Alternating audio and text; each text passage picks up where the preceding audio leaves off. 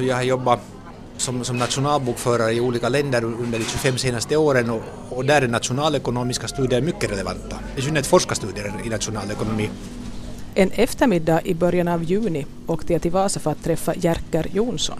På 70-talet när Jerker gick i gymnasiet i Vasa och jag själv i Nykarleby så träffades vi ganska ofta i olika skolungdomspolitiska sammanhang. Men vi har inte träffats mer än högst en eller ett par gånger på de här senaste decennierna. Vi hade stämt träff på ett centralt café som visade sig vara aningen stökigt just den här tiden när alla människor slutar jobba. Men det fick duga. Okej. Så nu kan vi börja med att du berättar vem du är och vad du gör för tillfället. No, jag är Jerker Jonsson och jag jobbar för tillfället på, på Österbottens förbund som utvecklingsplanerare och, och jag har just kommit tillbaka från en, en treårsvistelse i Bolivia. Och då på 70-talet när jag första gången kom i kontakt med dig, vad sysslade du med då? Det var ju en väldigt liksom, politiskt aktiv period och jag kom med i Mittenförbundet 1975 på ett seminarium i Chile egentligen, egentligen från det. Minns du vad seminariet handlade om? Det var ju sommarseminariet, att vi körde ju seminarier, det var inom skolungdomsverksamheten och, och det var nog politiska seminarier där vi diskuterade allmänpolitiska frågor, oftast ganska stora frågor, internationella frågor och ideologiska frågor. Hur gammal var du då 1975? 75 så var jag, jag född 58 så jag borde ha varit 17 år. Före det så hade jag varit, min första politiska aktivitet var 1972 på, på elevriksdagen i Pargas. Men då, då kom jag med i något som heter Moderata och demokratiska elever. Så då, då var jag mera högersinnad eller råkade komma in. Man kom ju in via, via kamrater, via grejer och så, så inte, inte var det ju så, så liksom eh, organiserat så, på, det, på den tiden. Men, men man, kom, man drogs ju till en, till en politisk aktivitet på ett helt annat sätt än nu. No, hur kom det sig att du hamnade på just det här då mittenseminariet? Var det några personer som du kände som drog dig med eller var det bara att du ville lära dig mer om det här? Nu var det ju kamratkretsen som man följde med egentligen. Och sen hade ju mitten, liksom ett, ett, på den tiden så var man ju man var ganska liksom miljöcentrerad och, och, och det fanns ju liksom en, en vänsterretorik som, som fanns då och, och, här i Vasa fanns ju Vasa Demokratiska Unga och man körde ju på en, en väldigt bombastisk retorik och, och, väldigt stora saker med, med mittens liksom det var nu främst liksom, så att säga, bekymmer om miljön men man, man hade också viss engagemang i internationella frågor. Att, att man tog upp den här, den här u-landsproblematiken. Hur pass aktiv var du då sen när du, blev, när du kom med? Att... No, in, inom mitten så blev jag ju aktiv inom mitteneleverna var jag ordförande där och, och sen var jag ordförande ett år för, för mittenstuderande vid Åbo Akademi och, och, och, så satt jag också med i, i, i mittens centralstyrelse och, och via det så kom jag också med i Svensk ungdoms centralstyrelse sen 81 i, i, samband med, med valkampanjen för Jan Magnus Jansson så var jag också tjänsteman vid Svensk Ungdom här på kretskansliet i Vasa. Så du blev ganska involverad i också partiverksamhet sen? No, det, det följde lite, lite av mitten, att, att mitten dominerade liksom mitten var kanske liksom svensk ungdoms, skolungdoms och studentverksamhet. Kanske lite mer radikalt än, än svensk ungdom i, i allmänhet. Jag minns det var ju nog att när folk var med någonting så var det ju oftast nog mitten folk var med i. att Det var det som kändes som det här lite nya och fräscha som inte var vänster. No, det tog ju upp mycket av samma tankegångar alltså, men, men man hade ju liksom betoning på miljöfrågorna och, och, och där vänstern liksom manövrerades ut för att, att man sa ju på den tiden då att, att det finns inga miljöproblem i, i Sovjetunionen för att miljöproblemen är förknippade med kapitalismen och, och i och med att vi inte har kapitalism i Sovjetunionen så de som finns är tillfälliga. Och det var förstås fullständig retorik. Men då, då sa mitten att det här stämmer inte och, och där hade mitten rätt. Jag minns från 70-talet det var ganska vanligt att man gick omkring med olika märken och knappar för att visa vad man tyckte i olika frågor. Hurdana märken gick du omkring med om du gick omkring med märken? Jag hade det där Olle Porvar i något litet, ögonblick med, men det var nog det var 1972. Sen, sen hade ju mitten det här med, man körde för decentralisering och det gröna märken? Gröna märken, det decentralisering så körde man ju för och vänstern gick ju omkring med sina FNL-knappar på den, på den tiden på 70-talet. Men det, och så fanns det det här antikärnkraftsmärket. Ja, atomkraft nej tack. Jo, jo, det, det, det, det fanns ju liksom, det, det, var, det var ju också en, en, en väldigt så att säga en av så att säga, de mitt, mitten profilfrågorna. Att, det var liksom miljövärdena och, och sen var det motståndet mot kärnkraft för alternativa energilösningar som kommer nu idag 30 år efter väldigt starkt här i Österbotten. Och sen, sen också ett, ett, ett internationellt engagemang. Jag frågade Jerka Jonsson vilka av de här frågorna som mitten drev som var viktigast för honom på 70-talet. Nu har jag alltid haft ett litet internationellt intresse så, så, så att, att, det var ju en, en grej och, och de globala frågorna och, och här har man ju liksom den här liksom eh, skillnaden med, med till exempel mitten och SU att, att SU många frågor man kör österbottniska frågor, åboländska frågor, man, man kör nyländska frågor, man har kommunpolitik, man har byapolitik och man har gud vet vilken politik men liksom det här mittenperspektivet var, var, liksom, eh, var ett mera globalt perspektiv där man kanske inte liksom var så intresserad av, av hemkommunen och, och, och det här. Jag ber Jerka Jonsson berätta hur han resonerade när han sen skulle välja studieriktning. Alltså på den tiden var det ju väldigt klart att alla skulle få till Åbo Akademi. Åbo Akademi var mainstream och jag, kom ju då in, in 1979 började på SF och kom, kom då att, att vilja nationalekonomi som huvudämne. Och, och där liksom, man ser ju det gäng man trivs med och liksom inte har man ju så att säga så klart för sig vad, vad, det, vad det här innebär men man ser ju var man hittar like-minded. Det hittar du där? Det hittar jag där på något sätt, ja. Lät du det här, ditt politiska engagemang ta mycket tid från studierna, att du studerade hemskt länge eller var du en sån som blev snabbt färdig? Alltså jag, jag får 1979 så, så, där han, så började studierna och, och 1984 får jag till, på min första utländska uppdrag till Seychellerna. Så fem år. Då, då hade jag lite kvar så jag kom hem då emellan det kontraktet och, och, gjorde färdig då grundexamen i, i nationalekonomi, alltså Polbaggen.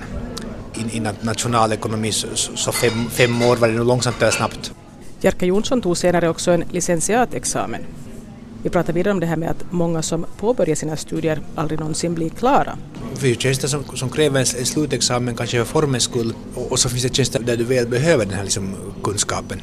Men det är klart att det går alltid, alltid att, och sköta med mindre kunskap. Men, men då är ju frågan att, att skulle de mera studier kunna ge ett annat perspektiv på jobbet, ett annat sätt att jobba, ett annat sätt att tänka och så vidare. För inte handlar det om ex examen utan det handlar om ett, ett, ett sätt att, att tänka och resonera och, och ha en begreppsapparatur. Hur du strukturerar liksom det här, vad du gör. Alltså, alltså jag har jobbat som, som nationalbokförare i olika länder under de 25 senaste åren och, och där är nationalekonomiska studier mycket relevanta. I synnerhet forskarstudier i nationalekonomi. Alltså där man har, har så att säga måste processera utvecklingsfrågor och fundera och, och liksom själv komma till saker och ting. Att du har gått igenom den här processen så, så, så där är det ju liksom där är det mycket relevant och sen kan det hända att i ett annat, annat jobb så, så, är det, så är det annan typ av liksom kunskaper. Så det, det beror så helt på. Jerka nämnde här i förbifarten sitt första utlandsjobb som var på Seychellerna. Jag ber honom berätta mer om det. Jag, jag kom egentligen liksom in, in på den, den banan liksom via en slump eller, eller egentligen via min dåvarande flickvän, nuvarande fru, så det öppnade sig liksom en tjänst. Och, och då jobbade jag som, som, som ekonomisk statistiker där på, på Statistisk Division på Mahé. På vilket sätt öppnade hon de dörrarna för dig? No, hon råkade vara där och jobba för Jumbo Tours då och råkade höra om en tjänst som jag sökte och fick jag kom in i en skarv och man behövde just någon då, man hade just då inte hittat i den situationen. Och, och det där, no, jag tog tillfället så att säga att satsa på det och, och hade då som ung ett, ett väldigt starkt självförtroende också att göra det. Hur gammal var då Jerka när han fick det här första utlandsjobbet? 84, jag var, jag var 26. 26-27 så, så att men, men Seychellerna är ju en liten ekonomi, alltså det bor ju 65 000 människor i hela landet och, och, i den åldern så, så, vet man att man kan allt, så det är inga problem. Men hon jobbar alltså inom turismbranschen då? Hon jobbar som en eh, Jumbo Tours representant på Seychellerna och, och, och tog då hand om finska, svenska, tyska, engelska, schweiziska kunder, kanske någon fransman också. Vilket språk pratar man där för övrigt? Engelska, franska och kreol, fransk kreol. Men engelska gick det på. Men hur länge var de där då? Monica var där i, i tre och kom hem till somrarna och jag var lite över två år där. Var det då som du fick smak för det här att jobba utomlands? Nå egentligen nog alltså. Det kom, kom tillbaka till Vasa då 86 och, och då jobbade jag tre år på Åbo Akademi här i, Vasa. här i Vasa och sen jobbade jag fyra år på Hanken här i Vasa. Sen hade jag varit på en konferens i, i Marocko, i Rabat och, och träffat folk från, från Statistiska centralbyrån som ett halvt år senare ringde mig och frågade om, om jag ville, ville skriva på ett kontrakt i Oman för dem. Ville du? Jo, jag skrev på det genast. Alltså det, var det var ju den värsta lågkonjunktur vi hade i Finland då 93 och, och jag höll just på att mista den, den tjänst som jag skötte TF på då ordinarie innehavaren skulle komma tillbaks. Så, så jag sa jo först och sen frågade var, var ligger Oman? Ja just det, var ligger Oman? Det ligger öster om Saudiarabien, norr om Jemen och, och söder om, om Arabemiraten. Det är ett mycket intressant land. På vilket sätt? Det är en gammal arabisk kultur. Ett mycket vänligt land. Hur länge var du där då sen då? Det blev sen, sen med alltihop blev det dryga två år. Men jag var först på, på liksom korttidsmissioner och, och, och sen flyttade vi dit för 18 månader. Alltså hade du i det skedet också familj och barn? Jag hade, familj, jag hade familj och barn och vår yngsta föddes, föddes i Oman på eh, Sultan Qaboos University Hospital. Hurdant var livet där liksom? No, för, för oss, oss var det ju hur bra som helst. Alltså, Oman är ju liksom ett modernt land. Alltså, där finns ju allt och där, där finns ju modern sjukvård och där finns ju liksom allting. Och, och så det är ett mycket enkelt land att, att, att leva i. Och, och man pratar allmänt engelska där också ganska mycket. Och, så, så, så det, det, var, det var absolut inga problem att, att leva i Amman. Men du kom tillbaka? Eh, kontraktet tog ju slut. Alltså det, det var ju SCB i Stockholm var min arbetsgivare och det var ju inga beach som jobbade utan man köpte då in ett statistiskt utvecklingsprojekt av Statistiska centralbyrån och jag for. Och, och sen efter den tiden så, så var uppdraget fullgjort. Sen snurrade jag på ganska mycket mellan 95 och 97. Jag var inne och vikarierade någon liten period på, på professuren på Hanken och, sen, sen snurrade jag på ganska mycket på olika korttidsmissioner. Det fanns ju mycket, mycket missioner till tredje världen men också före Sovjetunionens i Moldavien på korttidsmissioner. Det var ett svenskt statistiskt bistånd till olika länder. Här i början nämnde Jerker att han nyligen har kommit hem efter att ha varit tre år i Bolivia.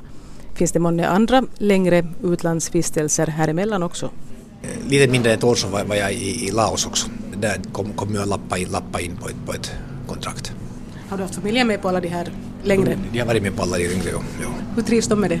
Mm, du borde väl egentligen fråga dem men nu har det ju kanske liksom präglat oss på något sätt ändå och inte, det är ju liksom alla gånger lätt att byta land på det sättet att, att, att nu är det ju liksom alltid, alltid en process. Att det är ju liksom väldigt, väldigt intressant att göra det men nu är det alltid en omställningsprocess nu.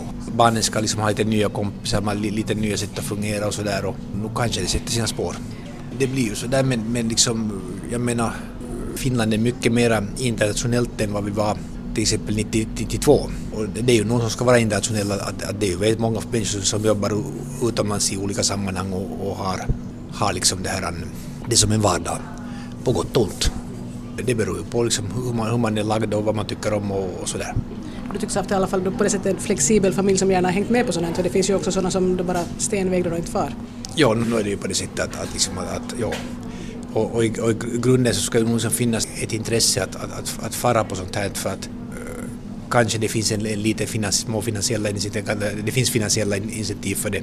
Men om inte du har vilja så, så går det inte. Du ska tycka det är roligt liksom att, att, att fara till andra kulturer och, och, och se andra saker och, och, och tycka att det här är någonting mera. Har du tyckt att det du har gjort när du har varit på dina utlandsarbeten, att du har gjort något meningsfullt och vettigt där? Har det känts så? Jo, alltså nu, nu tycker jag alltid att det varit så att säga vettiga saker vi har hållit på med eh, samtidigt som jag menar att bygga upp statistiska system så, så det är ju frågan om också om att, att bygga upp uppföljningssystemet för, för de politiska processerna i ett land. Och det är ju sånt som, som förändras, förändras liksom långsamt och, och stegvis så att, att det är liksom väldigt långsiktigt. Men eh, det är också arbete med, med strukturfonder i Finland till exempel. Att man, det är ju kanske effekter av, av vad vi gör nu och vad man finansierar så ser vi kanske om, om 5, 10, 15 år att, att nu så ser vi att, att det här är ett fullständigt kaos och vad håller vi på med här? Och, men sen om 15 år när man tittar liksom bakåt i perspektivet så, så kan man se att det hände väldigt mycket saker och ting och det kom väldigt mycket goda saker ut ur det som man kanske inte såg just när man höll på med det. Jag frågar Jerker vad det jobb som han har idag egentligen går ut på. Nu, nu, nu i det här jobbet så jobbar jag för Österbottens förbund och, och jobbar med, med internationell verksamhet som handlar väldigt mycket om, om strukturella frågor, handlar om att att förbereda nästa programperiod och göra olika inspel till hur, hur våra strukturfonder ska se ut efter år 2013. Alltså efter nästa programperiod, sam, samtidigt som, som, som jag jobbar med, med beredning av projekt. Vad var det här med strukturfonder nu igen? Det är EUs finansiering, i, EUs utvecklingsfinansiering och enligt vilka principer det ska gå, hur det ska gå och så, vidare. Och målsättningen är ju är då att man ska försöka driva, driva regionen i, i enlighet med, med den här Lissabonstrategin, att, att man ska försöka förstärka alla regioners konkurrenskraft och försöka göra EU starkare som en helhet gentemot, gentemot resten av världen. I en konkurrens som, som blir hårdare och hårdare, som eh, påverkar vårt vardagliga liv här i, i Österbotten även mer än vad vi tror. På vilket sätt? Export faller bort. Vasa har, har före för den krisen slog in så, så, så var exportgraden av, av Vasas produktion var nästan 80 procent. Och, det är klart att faller den bort så, så, så det är en annan som var permitterad. I vilket skede slutade då Jerka Jonsson vara politiskt aktiv? Eller kanske han fortfarande är aktiv? Nej, egentligen inte. Alltså, no, förstås eh, litet politiskt intresse och, och, och lite, lite aktiv i EU-kampanjen för Björn Månsson men, men, men det har ju nog följt, följt med det att, liksom att, att 84 så får man utomlands och, och då tappar man liksom positioner och, och, man får intresse för en annan typ av frågor som, som kanske liksom inte, inte ligger på den politiska dagordningen så mycket men som, som nog låg i, i mittens ideologiska arbete. Vi går tillbaka lite igen till de här idéerna som var viktiga inom Mittenförbundet. Jag minns det här med just med decentralisering, att det skulle liksom inte allting klumpas ihop till sådana jättestora centrum utan det skulle finnas liksom aktivitet både här och där överallt och sådant. Det kallas eh, kohesionspolitik nu för tiden. Är det det det kallas? Det, det, det, det är EUs kohesionspolitik, alltså det är ju så att säga EUs insatser och, och de finsk, finländska insatserna också där man försöker så att säga försöker lyfta upp regionernas Europa och, och där man försöker förstärka, förstärka regionerna. Alltså utvecklingen går ju mot, mot en, en, en centralism förstås. Men till exempel i EUs gröna bok så, så, så pratar man om att, att, att hur ska Europa kunna konkurrera med Asien och USA då vi har så få stora städer i Europa. Och hur ska landsbygden kunna hakas med? Och, och det var man pratar om stora städer då, så, så är städer med mer än fem miljoner människor vi, vi, vi skulle ha en stad, en sån stad i, i Finland men liksom perspektivet är, liksom, är ju annat förstås men, men idén är fortfarande samma att, liksom att hur kunna bibehålla mera decentraliserade strukturer där man kan ha en, ha en bättre livskvalitet samtidigt som, som man behåller en, en produktivitet som är, är väldigt nödvändig i konkurrensen.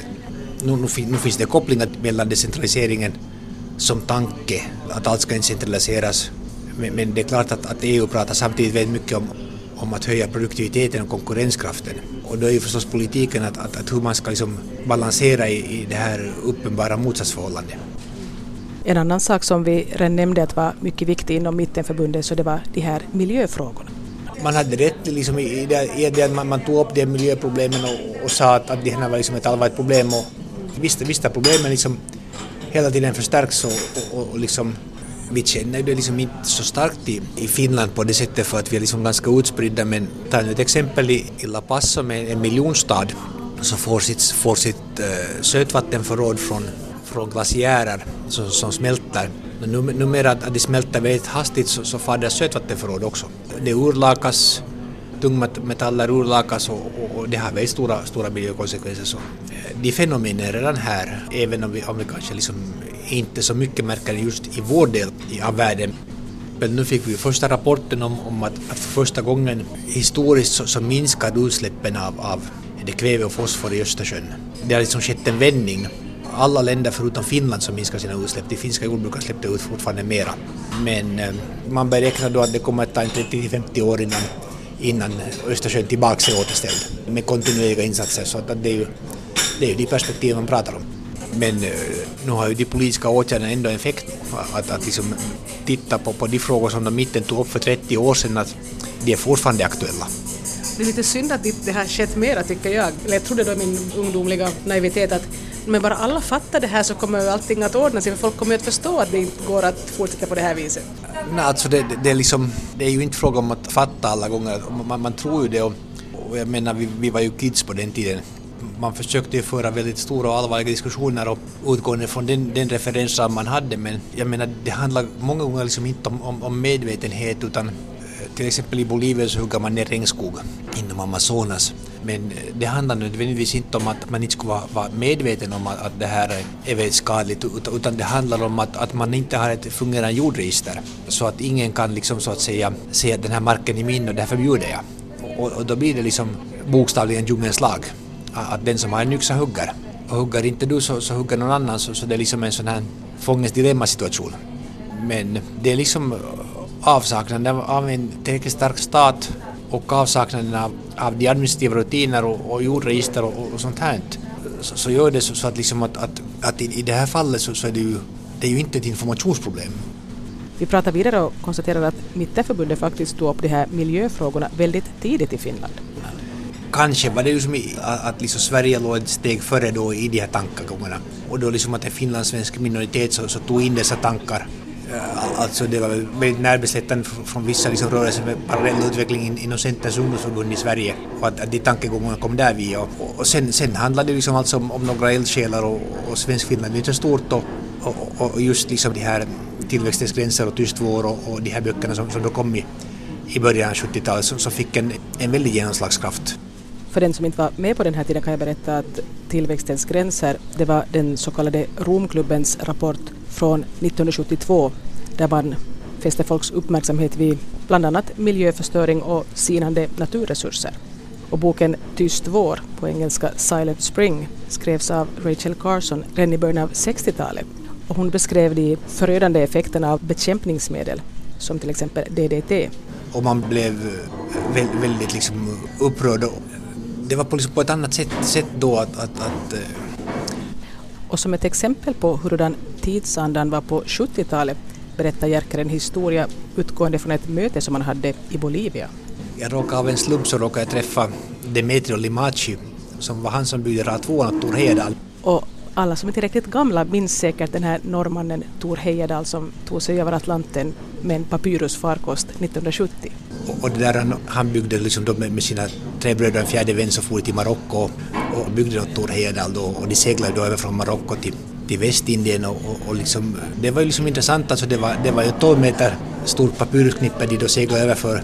Och jag, jag, då jag råkade träffa honom en slump så läste jag om boken, min pappa fick den i 50-årsgåvan 1971. Och boken han avser alltså Expedition Ra, skriven av Tor Heyerdahl. Han nämnde liksom då om, om hur FNs generalsekreterare ringde och gratulerade honom och, och hur de då hade så att säga, han hade en muslimsk kille från Chad som behövde vattnet till sin dagliga bön och då fanns det oljeklumpar i det och han var liksom väldigt upprörd att, att det var liksom fullt med oljeklumpar och, och liksom hur, hur Ra-expeditionen slog, slog an för det här och hur hela världen följde med, med Ra och, och liksom statschefer och, och FN-chefer ringde och gratulerade och, liksom, och jag tror liksom inte att, att, att någon som guppar över Atlanten på ett papyrusknippe numera skulle få den uppmärksamheten. Det var liksom kort och gott en annan tid. Kanske liksom en, en tid av mera optimism men vänta nu, var hade Jerker Jonsson träffat på den här mannen som byggde RA2? I Huatahata vid Titikakasjön en lördag, en lördag morgon av en slump. Så, så råkade jag träffa honom och började, började prata med honom och så, så råkade han säga att han byggde RA2 åt Tor Heyerdahl. Och så, så, så sa, sa jag att, att, kan du bygga en åt mig också? Så sa han ja, efter att vi kom överens om priset förstås. Så du har alltså en sån? Oh, jag har en sån, jag har en sån där. Och den är gjord på samma sätt som den där RA2? Ja, som RA2 den är förstås mycket mindre. Mm, men samma teknik men, och samma? samma teknik och samma byggare. Han var ju nästan 40 år äldre, han var i 70-årsåldern nu för tiden. Den är ju så att säga ganska tung och, och den är ju kanske inte liksom världens bästa sjöbåt men, men man kan uppenbarligen korsa Atlanten med den. Men, men det, är ju, det var ju en sån där som Moses kuppade omkring med i vassen. Alltså vad var det han skulle bevisa med det när han får den här Heyerdahl?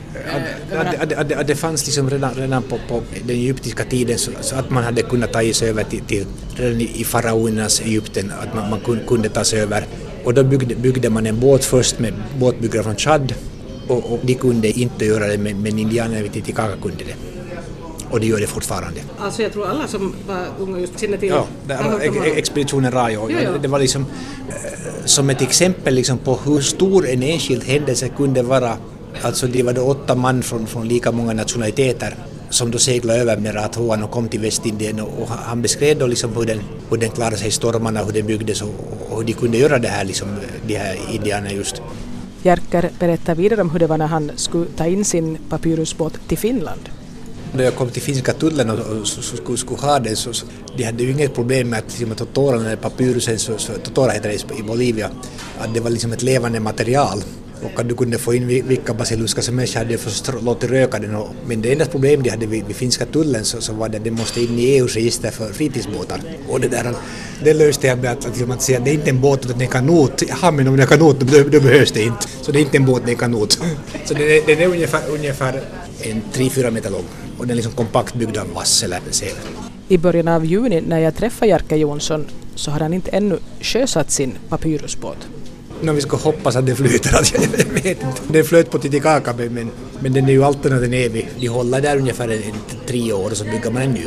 Att de, de tar mer och mer vatten i sig och så sjunker till slut och så, så är det dags att bygga en ny. Men du har den alltså här någonstans i Vasatrakten? I Kronoby, yes. Kronoby? Ja, i Kronoby. Ska, ska sjösättas. Och när jag ringde upp Jerker Jonsson för några dagar sedan så kunde han berätta att båten hade sjösatts och att den flöt. Men vänta nu, vad var det vi pratade om före vi kom in på det här med vassbåtar? Jo, det var Mittenförbundet och 70-talet. Så jag frågade Jerker ifall han någon gång efteråt har fått en känsla av att man nu inte kanske riktigt visste vad man höll på med då på 70-talet. Nej, alltså, kanske inte idémässigt men, men det var liksom den här naivismen förstås, att liksom den här tro, tron på att minsta lilla förening kunde göra en skillnad och, och sånt där som, som var förstås överdriven, att, att, att det hade en politisk, någon politisk betydelse om man vann ett kårval eller något sånt där. Det var liksom otroligt liksom naivt egentligen. Det, blev kanske liksom inte, inte de vunna valen eller förlorade valen utan det var, det var liksom tankarna som, som på något sätt ledde, ledde vidare och, och inte, inte var det ju så att mitten hade liksom ett monopol på dem heller inte. Men nu var ju mitten ganska tidigt ute. Det är nu vissa liksom kärnfrågor som styr samhällsutvecklingen. Och en, en av det är till exempel centraliserade eller decentraliserade energilösningar. Satsar vi på kärnkraftverk så är det en centraliserad lösning. Då kommer vi att, att ha de allra svagaste kablarna ut i skärgården och svagaste infrastrukturen där. Men satsar vi på vindkraftverk så kommer kablarna i skärgården att vara, vara starka för vi producerar energi därifrån. Och det kommer att förstärka övrig liksom, infrastruktur också. Och, och, där är nog liksom, hur vi ordnar liksom, energifrågorna kommer att, att bestämma samhällsutvecklingen och, och, och de tankegångarna fanns, fanns nog in, in i mittenrörelsen just med motståndet mot kärnkraft och relevanta idag ännu i högsta grad. Mm.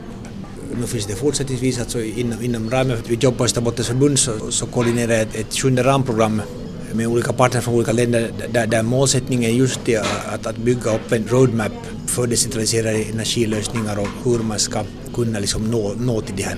Alltså minska CO2-emissioner. Och det minskar man liksom också med kärnkraftverk om inte det går sönder förstås. Men liksom, eh, nu är det ju fortfarande liksom samma tanke att, att ha, en, ha en roadmap för, för, för nya olika energilösningar som är decentraliserade och som är mera miljövänliga och som kanske stöder mera lokalsamhälle än vad decentraliserade lösningar gör. Och till och med att, liksom att EUs sjunde ramprogram finansierar aktiviteterna så, så visar ju på att, liksom att, att det är största, största allvar i det. Så man kan lugnt säga att du fortsättningsvis då hålla på att jobba på i lite gammal mittenanda på något sätt? Ja, om det nu mittenanda, men nu är ju tankegångarna, tankegångarna samma. Tankegångarna är samma och det kommer ju väldigt starkt nu, nu liksom utbyggnaden av, av förnybar energi. Den kommer, kommer väldigt, väldigt starkt och har en, har en väldigt bred liksom förankring medan, medan liksom, kärnkraften har inte samma liksom stöd som den kanske hade då. Var det på någon SU-konferens som någon, någon kläckte ur sig att lite strålning bör väl en karl tåla. det, liksom, det, var den, på den nivån. Det var på den nivån då. Men nu, nu så anser man nog inte att någon karl bör tåla någon strålning. Jag frågar Jerka Jonsson om han ännu vill tillägga någonting till det som vi har pratat om hittills. Det är ju det, det man tänker liksom att, att vilken, vilken roll har mitten spelar för det här. Men nu var det ju kanske på det sättet att i den åldern var vi väldigt formbara och, och det var liksom en annan, annorlunda tidsperiod, just, just det här exemplet med, med rad 2 att, liksom, att hur en enskild guppande papyrusknippe på hela oceanen kunde ta hela världens uppmärksamhet. Det skulle inte hända något idag. Det här liksom exemplets makt. Nu hade ju inte, inte, inte RA liksom, så att säga det här um, ett politiskt mål, men det, det är klart att, liksom, att, att jag, jag kom ihåg det då och jag, jag, jag kommer ihåg igen då jag läste om boken just att, att, att de hade hittat de oljeklumparna i Atlanten mitt, mitt ute på Atlanten, att liksom hur det här det liksom blev en chock som omvandlades till handling och, och liksom att, att, att även mitt ute i Atlanten så finns det, finns det oljeklumpar. Och det fick en effekt. Och jag tror liksom att, att som, som världen ligger ut idag så skulle man inte kunna bli chockad av någonting på samma sätt. Tycker du att du liksom, eh, när du är ändå lite på 50 va? Mm. Tycker du att du har haft ett bra liv hittills? Jo, tack. jo, tack. Det är ju liksom alltid att, att det är ups and downs och så är det transportsträckor emellanåt och, och, och sådär, så, men egentligen nog. Att jo, egentligen nog. Har du sådana projekt och drömmar som du ännu tänker att det här ska jag minsann ännu hinna göra, det här ska jag åtminstone ta tag i? Mm, nej, egentligen inte, men jag är öppen för förslag. Tanken är liksom det att, att, att det kanske inte är värt att göra så stora planer för det brukar sällan ändå bli som man har tänkt sig. Så, så på det sättet, men, men det är kanske bättre att leva här och nu.